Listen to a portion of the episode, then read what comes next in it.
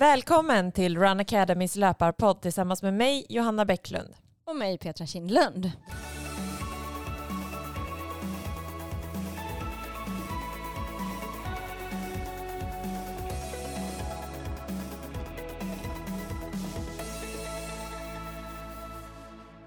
I dagens avsnitt ska vi tipsa om lite sommarträning och vad man kan tänka på nu under sommaren när man ska ut och springa. Ja, och så har vi fått lite frågor och sen så jag får väl berätta om mitt eh, lopp i helgen som inte blev som jag hade tänkt mig. Men ja, vi får väl dra igenom det en liten stund i alla fall. Ja, absolut. Men ska vi börja där? Petra, du, ja, jag tycker vi startar där. Eh, du sprang SM i helgen och kom mm. fyra. Mm, mm. Exakt. Det var ju jättebra. Um. Men eh, du var ju inte nöjd och det förstår jag. Men eh, ut, det var ju ett bra, alltså en fjärde plats är ju bra. Uh, alltså jag har nog aldrig varit så ledsen och förtvivlad efter ett lopp som jag var då. Nej, jag förstår det. Mm. Uh, för uh, nej men dels så är det ju ett SM är ju ett SM ändå. Sen kanske de här absolut bästa var ju inte med. Vilket kanske var till min fördel att de inte var nu då. Nu hade man chansen. Mm. Eftersom att det var ett VM veckan innan så var ju liksom, de kanske inte hade varit med ändå. Alltså man vet ju aldrig. Men ändå, det var liksom några som saknades. Um, men uh, ett SM är ju ändå något som jag ändå har jobbat för. Alltså man har ju hållit på med löpning och friidrott sedan man var eh, liten, tio. Alltså, ja. och har liksom tagit både junior-SM-medaljer och US-medaljer men aldrig tagit någon seniormedalj. Och sen just i vanliga löpning liksom har jag, kanske jag inte riktigt är där att jag når liksom att jag kan ta en SM-medalj på landsväg. Liksom. Men däremot när det kom för tre år, två år sedan tror jag var, att de började med SM i trail, mm. då var det liksom, ja men här, här har jag min chans. Liksom. Så då, eh, och i år också så gick det ju loppet på i Stockholm här vid Ekotrail. Och det var ju en bana som också gynnade mig som var ganska lättlöpt. Eh, inte massa som det var uppe i Sundsvall jag sprang när det var massa ovanat och liksom tuff terräng utan det var ganska lätta stigar och lätt, eh, mycket grusväg och sen ändå lite tekniska bitar så att man kanske, de här vanliga asfaltslöparna kanske får lite svårare att hänga med i alla fall. Men, eh, så det var ändå en bana som var lite blandad men ändå en bana som jag tror alltså, som skulle passa mig väldigt bra. Och så var det ju på hemmaplan så då hade man ju en fördel att dels så sprang jag ju loppet förra året så att jag hade ju liksom koll på hyfs, eller jag hyfsad aning på hur banan gick. Eh, men sen då förra året så var det ju lite rörigt vet jag, att det var flera ställen det var svårt. Så här, ska man springa dit eller här eller hur var det? Så därför rekade jag ju också banan för att jag verkligen skulle ha koll. Så jag sprang igenom, jag har ju sprungit igenom hela banan vid två tillfällen då. Eh, och då var det i och för sig jättesvårt att hitta för jag hade bara en GPS-fil och sen så jag tror jag sprang fel typ hur många gånger som helst för att det var inte riktigt tydligt med att ha en massa stigar åt olika håll vilken man skulle springa åt. Men jag hade i alla fall hyfsad koll vart jag skulle mm. springa. Och då är det ganska surt när man efter fem kilometer ändå lyckas springa så fel. Jag har aldrig sprungit så fel liksom, på något lopp. Liksom. Nej. Men jag tänker sen när du hade varit ute och reka, mm. eh, hade du tagit den extra svängen vid fem kilometer som du nu gjorde under, under ja, loppet? Ja, jag har sprungit hela, exakt hela banan. Ja, men jag tänker då var det ju en, du sprang ju fel där vid, efter fem. Ja, det som var var att efter fem kilometer så skulle man först till höger eh, över en väg och sen, liksom så här, det var en vanlig liksom, asfaltsväg mm. över en stor väg. Och sen direkt efter stora vägen så skulle man rakt fram på någon cykelväg. Men då var det en, och det var det jag inte kände till, att 45 km banan hade en extra loop där mitt mm. i alltihop på typ 2,7 kilometer. Så det var som en extra. Och den gick på en cykelväg direkt till höger, liksom runt. Mm. Så det var antingen cykelväg rakt fram eller cykelväg till höger. Så det var som en, och den hade inte jag koll på. För att jag hade inte kollat så 45 km banan hur den gick. Och jag hade inte ens i tanke liksom att, att det skulle vara ett problem att det skulle vara liksom två olika vägskäl. Jag tog för givet att 45an sprang samma bana som oss och sen så sprang de en extra krok och sen så sprang de samma bana. Så det var bara vid ett ställe det skulle varit ett vägskäl. Ja. Eh, inte vid två. Så att jag hade ingen aning om den där vägskälet. Och då, ja jag vet inte vad som hände men vid, eh, där har ju vi lyckats då tagit till höger, för det har ju varit snitslat till höger och rakt fram. Mm. Och sen har vi kommit på 45 km banan. Men du sprang inte den när du tränade på banan? Då hade du inte gjort den där extra? Nej, nej, nej. nej. Då hade du sprungit rakt fram? Ja, ja för då hade jag en GPS-fil som jag följde. Ja. Ja. Och så, men det är bara att jag, jag kommer inte ihåg det. Liksom. Exakt hur man har sprungit där med de där vägarna. Det, då hade jag ju inte sprungit fel. Och eh, jag vet inte, det, det sägs på vissa håll att det fanns en skylt där och vissa håll har hört att det var något sabotage, så att det är någon som hade flyttat någon skylt. Jag vet inte, vi såg ingen skylt i alla fall. Eller vi, ja, vi var ju fyra, fem stycken som sprang fel. Så, att, mm. eh, så det var, det var inte kul. Det var inte vad man hade hoppats på. efter. Nej. Och det är ganska tra alltså det är så här, det är så mycket som ska stämma liksom för en dag. Man ska ha formen, man ska vara frisk, man ska vara hel, man ska ha liksom, man har ju tränat ändå bra under hela våren liksom. Och sen ska man ha den där dagen liksom. Mm. Och det kändes som att jag hade alla de bitar för att jag har inte känt mig så stark på något lopp under hela våren liksom, och känt mig så lätt. Liksom. Eh, så um, då känns det ju surt att det är en sån här grej som ska avgöra. Ja. Att man liksom inte... Ja. Verkligen. Eh, eh, så att det, jag, vid start där så, jag, vid fem kilometer där så låg jag ju tvåa. Alltså för hon som eh, vann då, hon drog ifrån väldigt hårt tempo redan från start. Och jag hade som plan att det var varmt. Eh, plus att jag vet att hon, jag trodde inte att jag skulle hänga med henne så jag tänkte att henne släpper jag. Och så tar jag mm. så här väldigt kontrollerat tempo. Så att jag, första fem, det kändes som att jag var ute och jogga. Liksom. Jag tog det, det kändes väldigt, väldigt lätt. Mm. Um, och sen ja, sprang vi ju fel då. Ja. uh, men det var lite märkligt för jag kände så här att Alltså här känner jag inte igen mig. Här har jag inte sprungit. Alltså du vet den känslan. Mm. Men sen är det alla snitslar framför en. Mm. Det gör ju så här, bara, då gör man, blir man ju tveksam på sig själv att nej men det måste ju vara här. Och även min GPS-klocka, jag hade ju GPS-turen på. Uh, och den pep ju till så här, ah, men nu, eller pep till att felspringning, felspringning liksom så här, typ ja. en gång. Den piper bara en gång. Eh, och då hade jag ju så här kilometertider på, inte själva liksom, eh, ja. Så jag kollade bara, jag ville kolla liksom just i början att vi inte gick för hårt. Så jag hade bara mm. koll på kilometertiden, inte på själva kartan. För det var ju, ja, men det var ju så tydligt snitslat så det kändes inte som att det behövdes. Eh, så jag bara klickade bort felspringningen. För att sist när jag var på Kolmården, då var den ju också så att den sa att jag sprang fel. Men jag var på rätt bana så då var jag helt förvirrad över det. Ja. Men nu var det ju så tydligt, det var ju snitslar överallt. Så hur kan det här vara en felspringning? Liksom? Mm. Eh, men hade de arrangörerna bara innan start sagt så här, men tänk på vid fem kilometer så kommer det vara eh, en, vägskyld, en, väg, en korsning där ni ska rakt fram och inte till höger. Hade de bara sagt det så hade mm. vi fyra haft koll på det. Ja. Då hade de alltså, bara en sån sak. Eller de haft en funktionär där. Så det gör mig också lite, eller väldigt förtvivlad. Liksom. För just såna, jag hade nog tagit för givet att att jag inte som löpare ska ha koll på vad alla sådana här vägskäl ska vara. Utan jag ska ha koll på banan, men ett vägskäl det ska ju vara så tydligt märkt och där borde det ju stå en funktionär. Så de delarna ska jag ju inte behöva koll på. Nej. Utan det är oftast man springer fel, det brukar ju vara så här liksom att, man, att man mer själv springer fel. Att det är liksom, aha jag sprang på en vänsterstig och sen så sprang jag några hundra meter på den här stigen och sen ser man att det inte är någon snitsla längre. Och bara, aha, då är det ju mer sitt eget fel. Det är liksom en del av själva mm. traillöpningen. Hitta rätten och ha koll på vart man ska och sådär.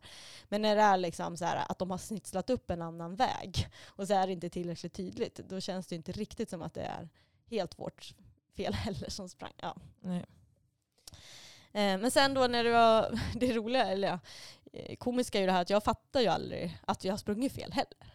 Nej. Så efter vi har sprungit den där extra rundan som tog, jag kollade i efterhand, eh, för jag kan ju se liksom på GPSen, så 13 minuter tog den extra. Ja. och var typ 2,7 kilometer och sånt där.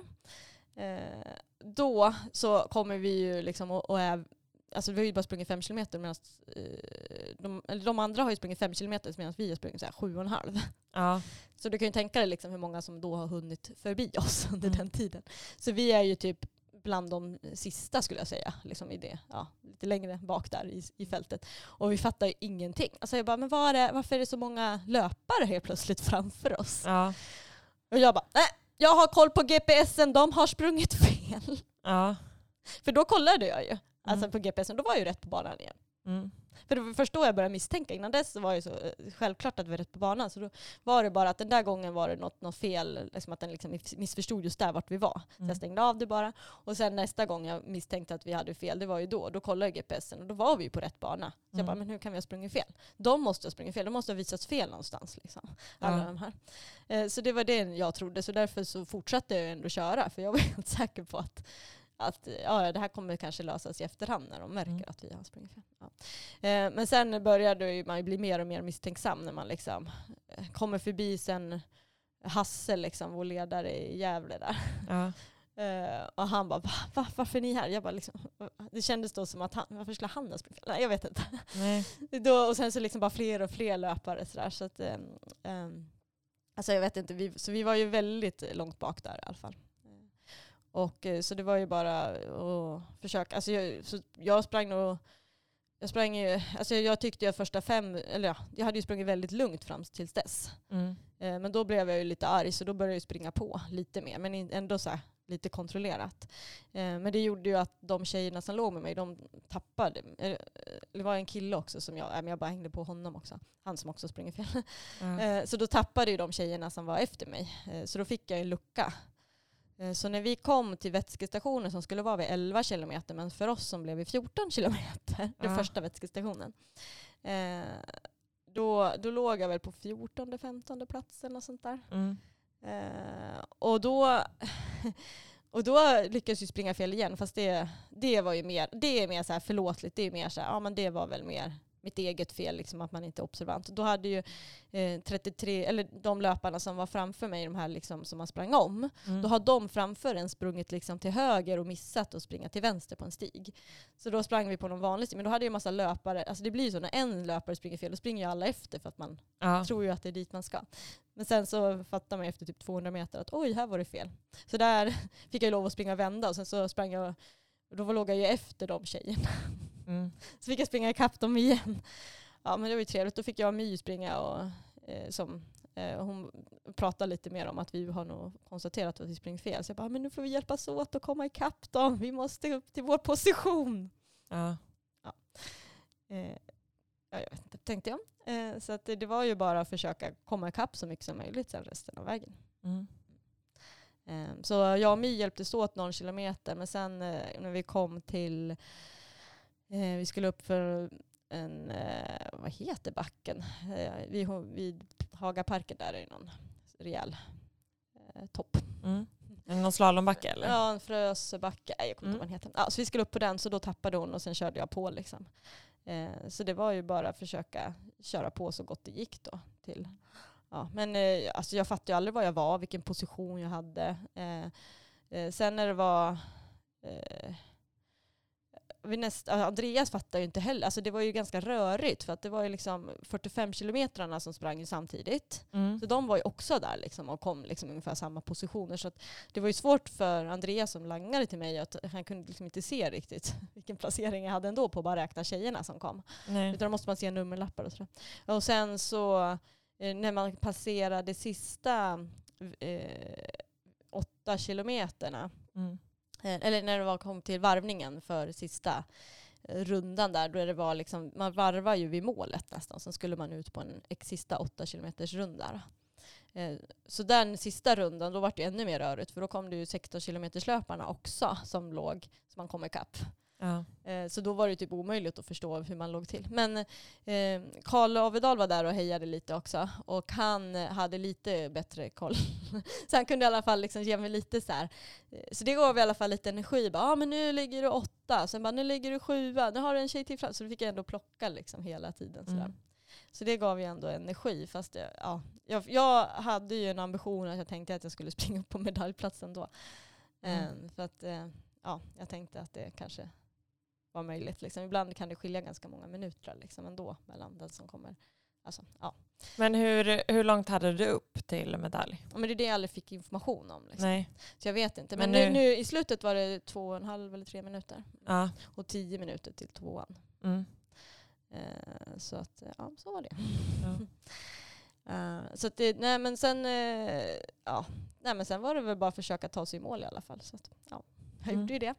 Men uh, ja, det hade ju... Nej, men jag var fruktansvärt besviken när jag kom i mål. Så att, ja. Det spelar liksom ingen roll att man var pigg i kroppen och hade ett bra lopp. Och liksom, jag gjorde ju verkligen alltså, ett väldigt bra lopp efter de förutsättningar man hade. Liksom. Men, mm. eh, men det känns som att det spelar ingen roll. Liksom, för att det, det, är nästan så att jag känner mig mer sur att jag hade att det kändes bra också. Förstår du? Det hade mm. känts mm. lättare om det var så här att ja, men kroppen kändes skit också. Mm. det hade varit så här, ja, men det hade ändå inte gått. Liksom. Men nu kändes det som att ja, hade jag inte sprungit fel så hade jag tagit en medalj. Ja. ja. Eh, så att det, och det är så himla surt att man, så här, ja, men, att man hela tiden ska fundera, man undrar hur det hade gått. Ja. Och liksom aldrig få veta det. Det som liksom blir mest surt. Liksom. Mm. Och att det ska avgöras av sån här grej. Liksom. Så, att, nej, men så det, det är otroligt frustrerande. Jag trodde faktiskt inte att jag skulle reagera så. Alltså, så här, det är ändå bara, det är ju, inte, det är inget liv liksom, som står på spel. Alltså, det är ju mm. inget, det är liksom inget eh, eh, livsavgörande så som har hänt eller något så här jättefruktansvärt. Det var ju bara ett lopp. Hur kan man bli så knäckt över det? Mm. Men man har ändå fortfarande tränat för det. Ja, man har tränat, lagt ner all tid, man har liksom laddat för det och sen så är det liksom på ett sånt här sätt. Så att, ja, jag vet inte. Nej, men jag trodde inte att jag ändå skulle reagera. Så jag brukar ändå vara ganska bra på att när det går dåligt och bara liksom så här, man kanske, ja men så här, ja, ja, men, alltså jag kan stötta bort det ganska lätt. Men det här har jag haft svårt att bara stötta bort. Jag har varit jätteledsen. Ja. Så att, ja. Fy. Mm. Men, men, men eh, ja, så nu, och det är svårt också att bara skaka av sig och bara blicka framåt också. Jag har haft svårt för. Ja. Fast nu har det bara gått någon dag liksom efter. Men, mm. eh, men det är ju liksom så ett SM är ändå ett SM. Det är, det är inte så här, ah, men du Peter du har nya lopp i år. Ja ah, jo, men det är ändå inget SM.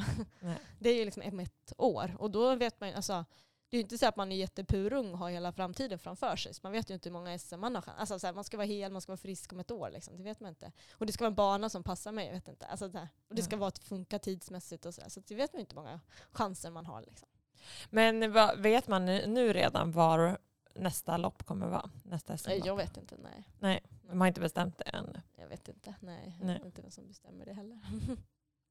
Jag tycker att det ska finnas i alla fall regler på att eh, vid ett SM, ska de arrangera ett SM och det är vägskillnad, en, liksom en vägdelning, då ska det stå en funktionär där. Mm. Så att det är tydligt vad man ska. Man ska inte kunna springa fel på en sån grej. Att man liksom ska springa in på en, okej om man springer fel på något ställe Eh, typ som jag gjorde efter vätskelangningen där, liksom, att mm. det är mm. någon som springer fel. Men, men, då märker man ju det, för man märker att det inte är några snitslar. Men när, man, när det är snitslat en bana, då hur ska man kunna märka det? Mm. Och sen att det, om det ska vara sådana här snitslade banor, då ska man nästan ha en, liksom andra markeringar för SM-banan, så att den verkligen är tydlig. Alltså just SM-banan ska man inte kunna springa fel. Nej. Eh, att det ska vara väldigt, ja, så att det kanske är andra snitslar på de andra slingorna eller något. Så att man liksom hade hajat till att det var andra färger eller något. Mm. Så, ja, nej, men så det, det, här var väl inte så kul poddavsnitt. Jag bara sitter och är bitter. Mm. Men det var, för SM var ju på 33 och på 80 kilometer va? Ja exakt. Och sen mm. hade de ju 45 och 16 kilometer och liksom massa andra lopp utöver. Ja. Mm. Som rörde till det lite om man säger så. Ja. För det var ju där också sista åtta kilometer, det var ju typ köbildning hela vägen. Mm. Eh, och eftersom att jag kom lite senare Eh, eftersom att jag ja, låg lite efter där så var det ju ännu mer kö för mig än vad det var, var för de andra om man säger. Mm. Eh, för där var det liksom, alltså det, var, alltså det är inte så trevligt heller man som löpare eh, ska komma bakifrån och bara akta, akta. Man är ju ganska trött också själv. Mm. Eh, så att man har ju liksom inte ork att vara så himla trevlig. Liksom. Eh, det är ju lättare att skrika akta än ursäkta. Alltså, mm. så det blir så man bara akta! Man känner sig så himla elak och det är inte heller någon trevlig känsla. Nej. Så där hade, alltså så här, för det var ju typ folk, eh, alltså det var hela sista åtta kilometer hade jag folk att passera konstant. Liksom. Mm. Och det är inte så lätt att komma förbi på trånga stigar och sådär heller. Eh, och nu, nu spelar det ju inte jättestor roll. I och för sig, jag, det var ju en tjej som låg, jag kom ikapp på den varvet sista fjärde, till fjärde plats då, så att lite roll spelar det. Eh, men, men hade man varit två stycken som liksom låg och tampades, då kan det ju verkligen vara avgörande om någon liksom lyckas springa om någon motionär som hindrar den andra. Alltså sådär. Ja. Eh, så det känns inte, ska det vara ett SM så tycker jag inte att det ska vara möjligt att det ska vara löpare i vägen sista kilometrarna. Eh, att man får planera, liksom. för man vet ju exakt hur lång tid det tar att springa ett lopp. Så att man fattar ju att aha, om de startar där, då kommer de vara där hela vägen. Då kanske man får starta en annan tid med de som inte är SM, alltså så att det inte stör SM-loppet i alla fall. Mm. Ja. Sådana saker. Men du var inte helt nöjd med eh, arrangemanget? Alltså det är klart, nu sitter jag här i bitter. Skulle jag ha suttit här och haft en SM-medalj och det gått bra, då hade jag säkert haft en helt annan liksom. Ja. Då hade jag ju varit nöjd på ett helt annat sätt och tyckt det var ett fantastiskt arrangemang. Alltså det, jag förstår ju att det är jättemycket jobb att arrangera det där och det är så många bitar som ska fastna och liksom göra det rätt. Och det är klart att de är inte mer mänskliga. Det var första gången de gjorde SM. Mm. Så det är så himla lätt att vara efterklok. Det vet man själv när man har gjort arrangemang, att det är lätt att man liksom gör någon liten miss. Liksom, och ska tänka på. Det är så otroligt många delar att tänka på. Men däremot så kanske Friidrottsförbundet ska komma med lite riktlinjer som gör det lättare för arrangörerna att veta, jaha du har en checklista, det här måste du fylla. Mm. Då är det ju lättare som arrangör att, jaha okej, klarar vi att hantera det här? För att överhuvudtaget arrangera ett SM. Ska vi göra det? för att vi måste kunna klara alla de här bitarna. Har vi tillräckligt med funktionärer så vi kan ha en som står vid en vägkorsning? Annars kanske inte vi ska ha ett SM om inte vi kan fylla, få upp funktionärer. Liksom. Mm. Typ så, att det ska finnas lite riktlinjer kanske. Men det är också så här, det är ganska nytt att det är ett SM på, på trail. Så det är väl liksom, ja, det, kanske, det är väl nytt som behöver arbetas med och de kommer säkert ha mycket lärdomar från det här framöver. Liksom. Så, men eh, nej, så jag kan inte vara för arg mot dem heller. Liksom. De, har väl, de var ju jätteledsna också för det som har hänt, liksom, arrangörerna. Det är inte så att de försökte sätta dit den. Liksom. Det, men det jag har hört, men jag vet inte om det stämmer eller om det var på något annat ställe, det var att de hade någon skylt, men jag vet inte om det var där, som någon hade flyttat på. Ja. Så jag vet inte om det var just hos oss som, eller om det var någon annanstans. Det, har, det förstod jag inte riktigt. Men vi såg i alla fall ingen skylt och det är ju väldigt surt. Mm.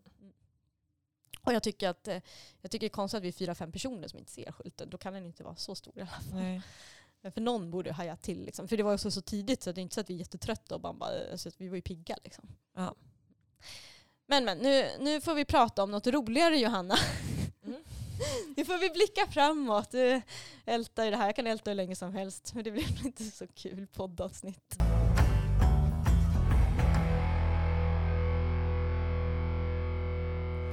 Men vi har faktiskt fått en lyssnarfråga som lite går in på det här med att man blickar framåt och sätter lite mål.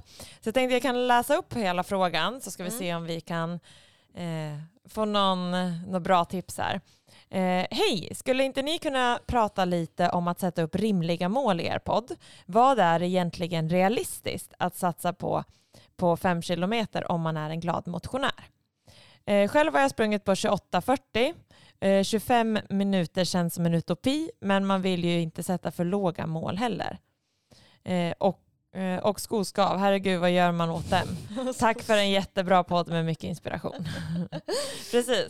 Så att eh, både rimliga mål och skoskav ska vi fundera på vad man gör åt. Ja. Mm. Eh, rimliga mål, det är ju supersvårt att bara säga jag tror att du kan göra det här. Alltså det är svårt när man inte vet alls löparbakgrunden. Kort, eh, enkelt kan man ju säga också att en person som kanske har börjat ganska nyligen med löpningen och mm. inte sprungit så mycket, den har ju lättare att ta sig framåt. Liksom. Jag menar, tre minuter för dig på fem kilometer, det, ju, det skulle ju inte vara möjligt. Nej. Nej. Eh, så att oftast är det ju liksom att ju långsammare man springer just nu, desto mer i tid kan man ju förbättra. Ja. Och så beror det lite på hur man har tränat. Ja. Alltså, ja, men har du till exempel inte sprungit några intervaller tidigare, då kan ju bara intervallträning, ett intervallpass i veckan göra jättestor skillnad. Mm.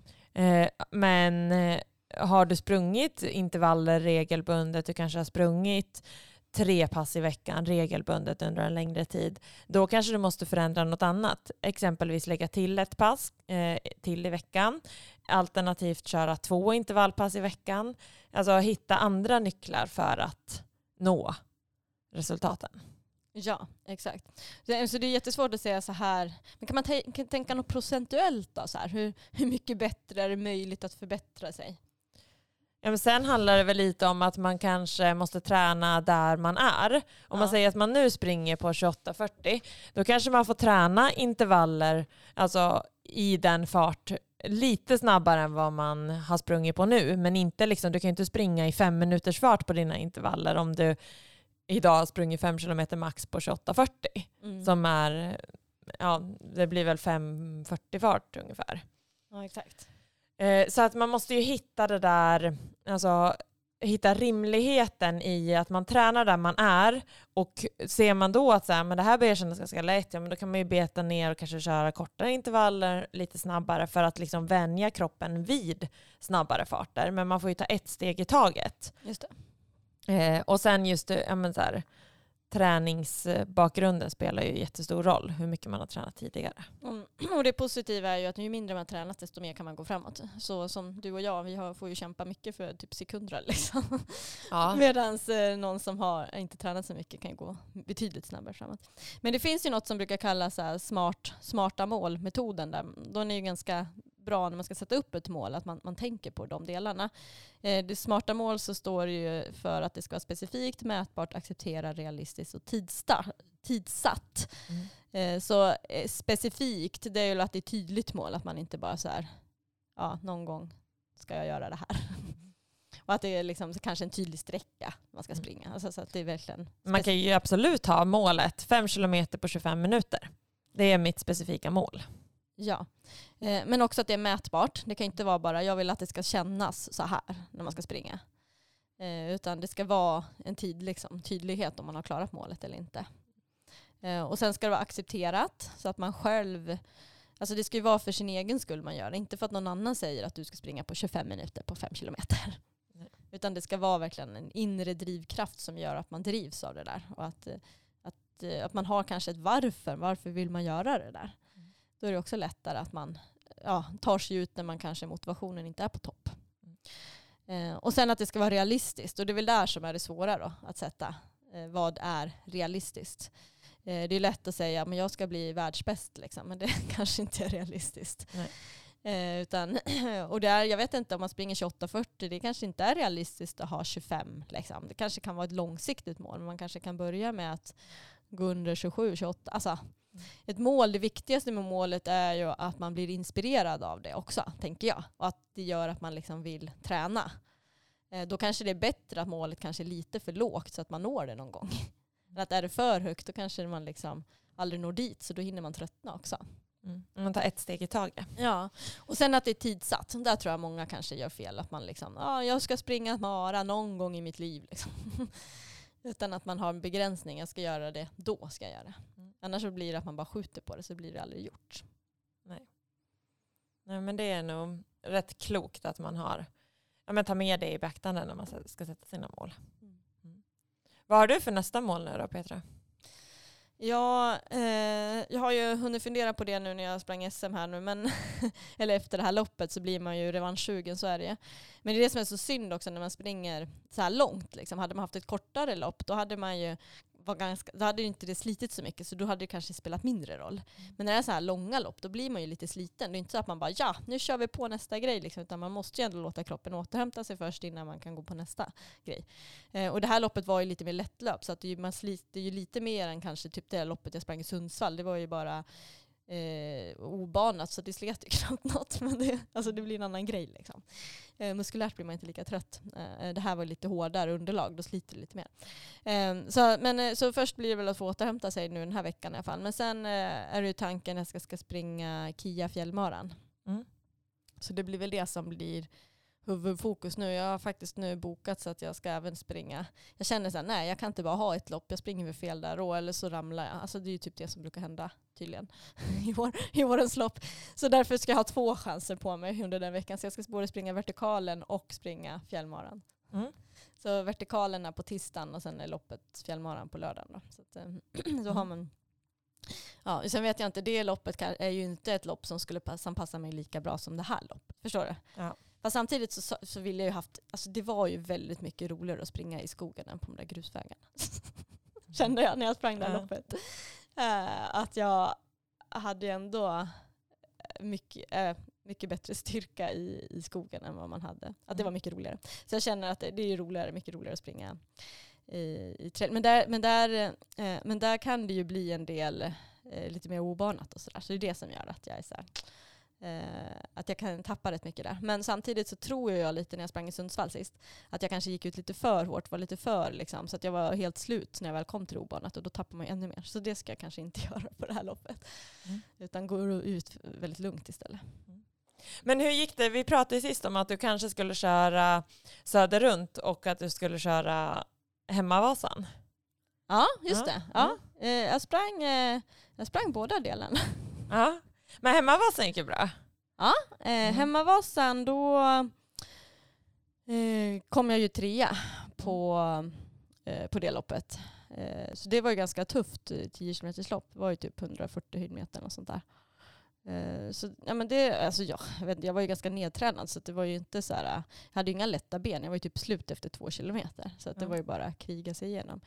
Eh, Men sen dagen efter sprang jag ju så fram och tillbaka hit och sen så åkte jag på torsdagen och jag bara jag måste reka den där banan. Jag kommer ju springa vilse tänkte jag inför SM så jag bara jag måste prioritera det. Eh, Så då åkte jag och sprang eh, typ 22, jag sprang vilse massa gånger och sådär. Så sprang jag typ 22-23 kilometer. Och sen så skulle jag ju springa, sen så var det lite att äh, men jag springer loppet på lördagen och ser hur det går. Mm. Eh, även söderut för jag tänkte att det kan ju vara kul att testa sig ändå. Men det funkade inte alls. Alltså jag var så, jä- så himla trött i kroppen. Eh, så då sprang jag väl fem, alltså jag sprang fem kilometer och sen bara nu skiter jag i det här. Alltså det var inte alls, det funkar inte alls. Nej. Jag kände att det här, om jag ska springa bra på SM så ska jag nog inte liksom pusha mig nu för att eh, kroppen, alltså jag var så sliten liksom. Mm. Och det visste jag att det kunde ju vara, att jag kunde vara sliten. Men jag tror att jag, jag reagerar väldigt bra på den, att jag liksom ska träna ner mig ganska bra den veckan och sen vila väldigt mycket veckan efter.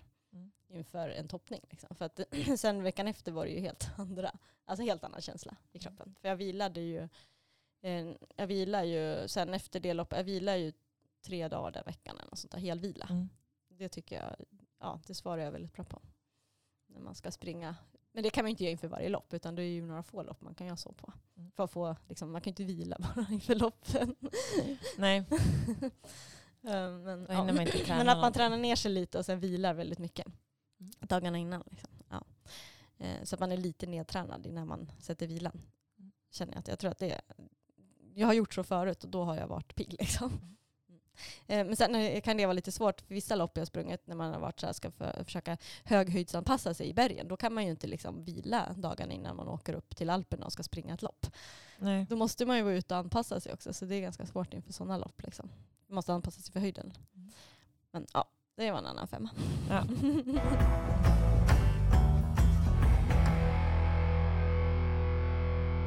Men du Johanna, vad har du nu för mål med din träning och hur tänker du?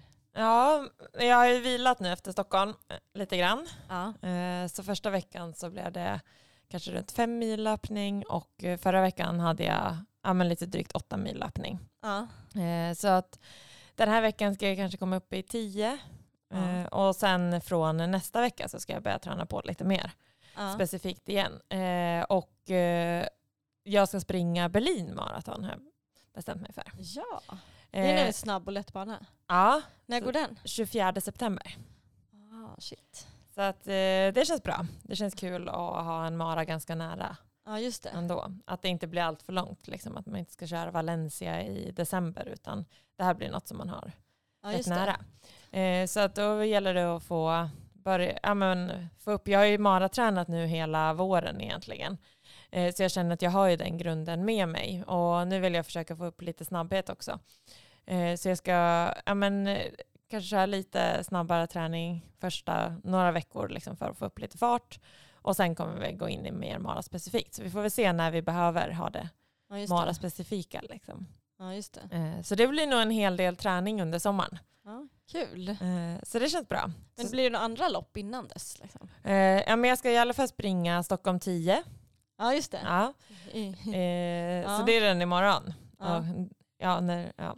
och sen så ska jag springa Tjejmilen Ja. och eh, Stockholm halvmaraton. Ja, just det. Så det blir, de blir det åtminstone i uppbyggnaden. Så kanske det blir nog fler Ja. 10 kilometers lopp. Ja. Eh, så att det blir att man får tävla lite också Mm. inför.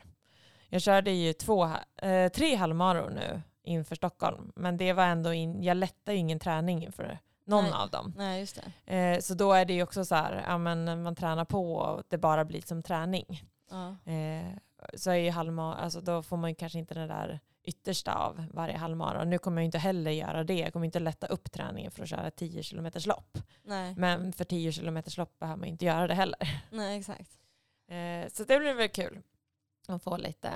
Mm. Mm. Vad, har, vad är målet om i Berlin då?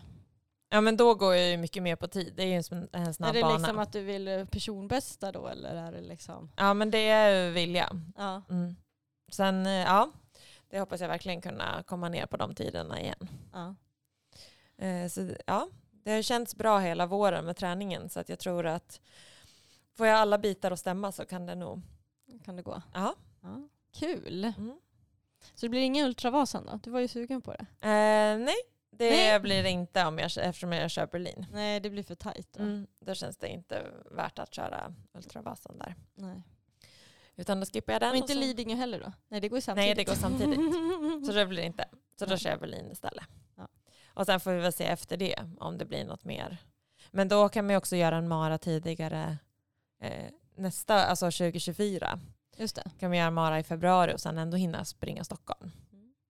Men jag tänker, du tål ju så mycket träning. Tror du inte att du skulle tåla att springa fler maratonlopp? Jag tänker så här, Kjell-Erik Ståhl, han sprang ju lopp typ hela lopp. och Hanna Lindholm springer också jättemycket så här, eh, liksom maror. Liksom. Mm. Du tror inte att du skulle tåla, alltså, för det känns som att du blir inte så sliten när man pratar med dig. Och det känns som att du... Nej, det är ju, mycket. ja, men det är ju så här, det är en balansgång. Jag Ja. körde ju tätt eh, när jag började maratonträna 2018. Då körde jag ju tätt. Jag körde i december, sen körde jag april, juni och sen oktober. Men sen blev jag ju skadad. Ja. Eh, och där är ju balansen så här, ja men var det för att det blev för många maror eller var det för att det var för tuff träning eller var det kombinationen av allt liksom? Mm. Eh, det vet man ju inte. Mm. Så att eh, ja, det gäller ju lite så. Men nu har jag ju börjat komma upp i mängd på den nivån som jag låg då. Just det. Eh, igen och utan att känna mig toksliten hela tiden. Ja. Eh, för det gjorde jag inte då när jag började. Så 2018-2019 kände jag mig inte sliten Nej. när jag låg på de nivåerna. Men sen hade jag en period när jag gjorde det. Ja. Eh, och inte riktigt kom tillbaka. Men nu känner jag igen att det, liksom, det känns bra att ligga där. Mm. Så någonstans där kommer jag väl fortsätta och så får man väl se sen om man kan göra fler. Mm. Det blir spännande att följa.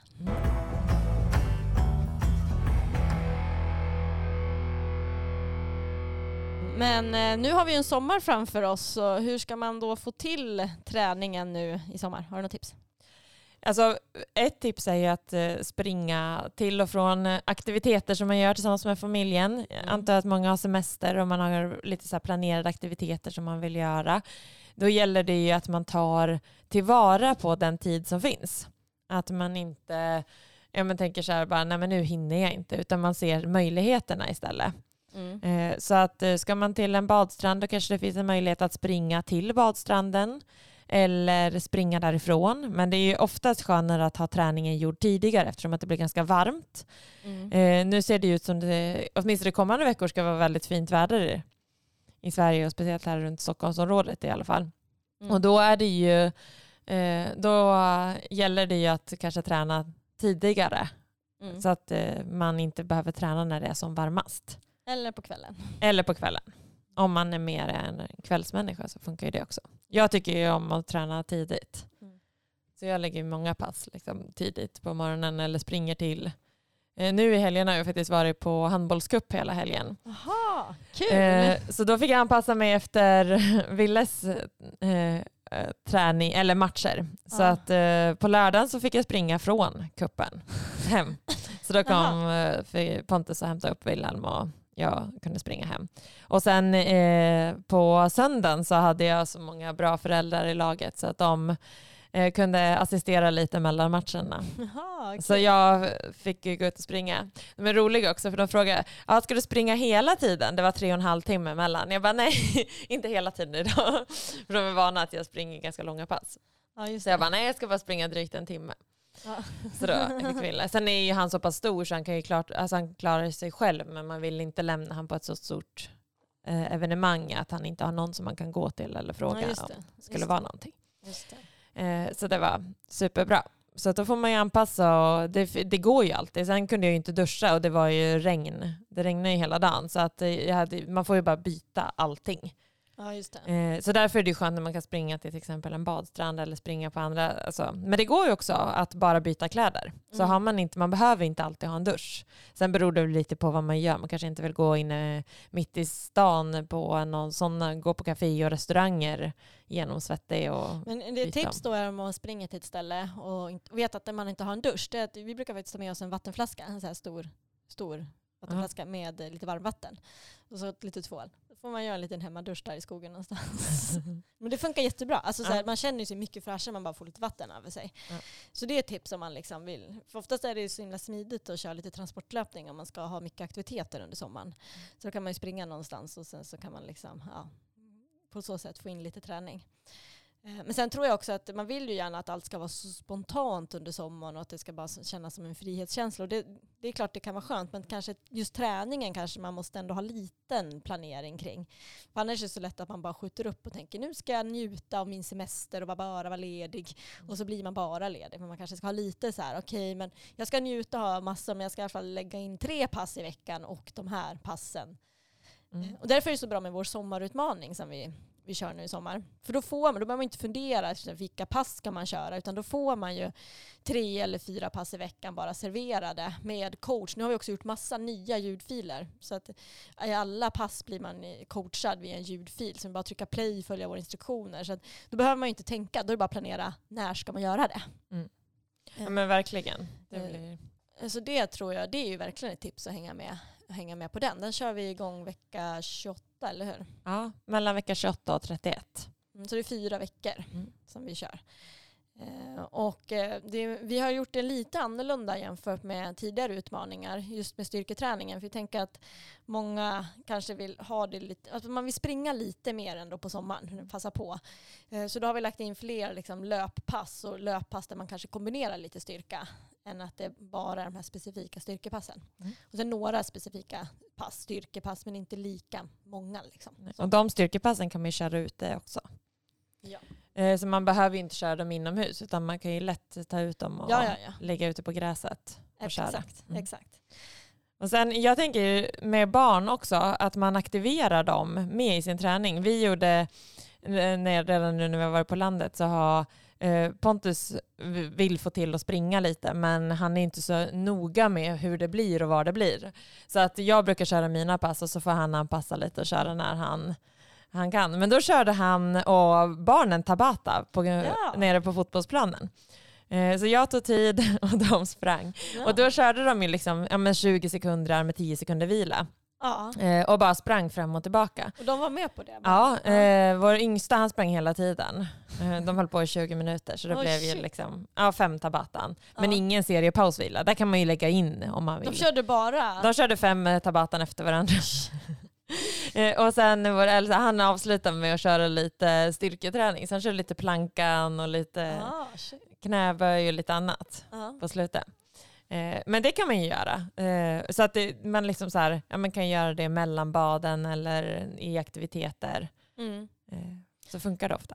Ja, och jag brukar också så här, även om man har små barn som jag har så går det ju alltid att få in någon form av träning. Man kanske får sänka förväntningarna på vad ett pass är och mer vara glad för vad det blir. Liksom.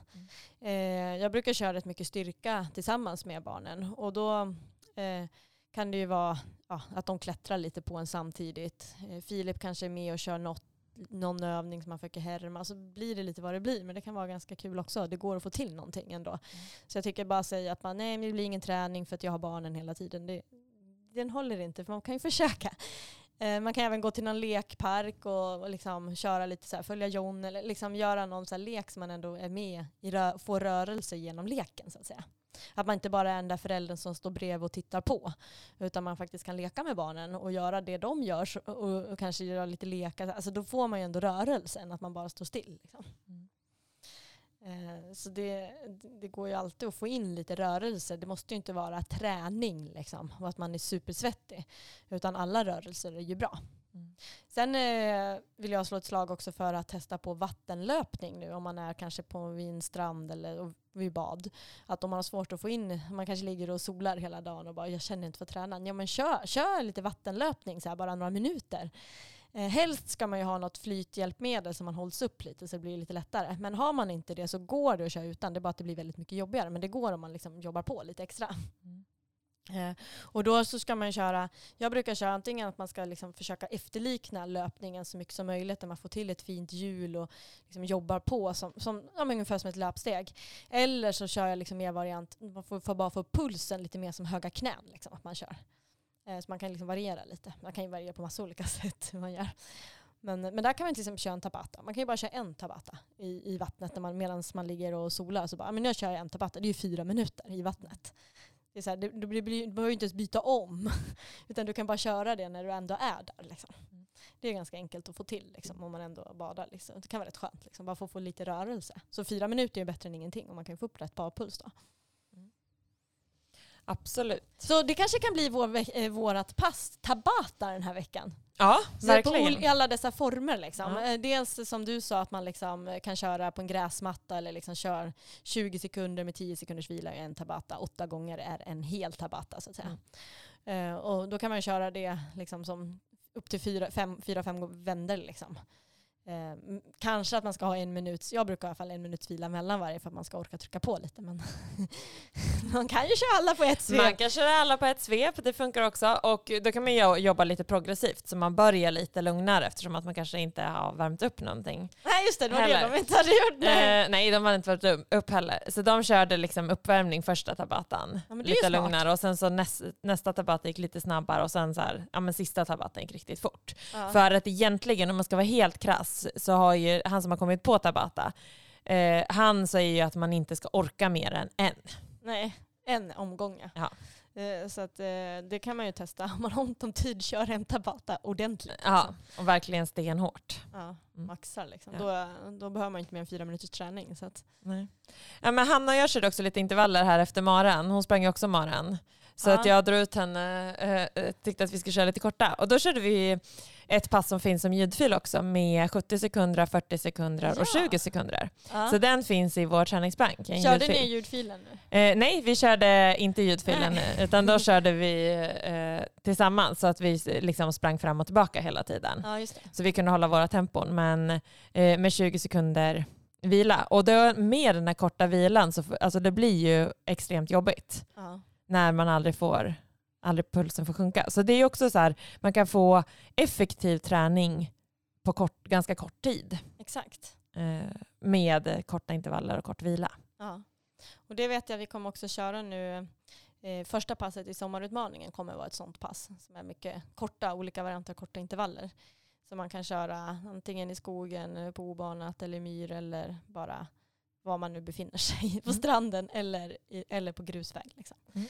Men eh, vi har ju, det är lite, ganska många sådana typer av pass i sommarutmaningen. Det ska vara liksom tidseffektiva pass men som ger mycket på kort tid. Mm. Så att man liksom inte ska behöva lägga ner så mycket träning på, på tid på träningen på sommaren men ändå få till den. Liksom.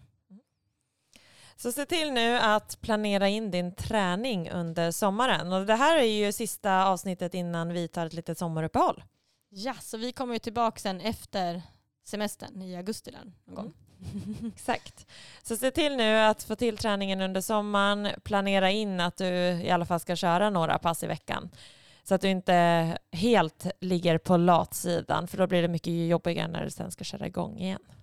Trevlig sommar.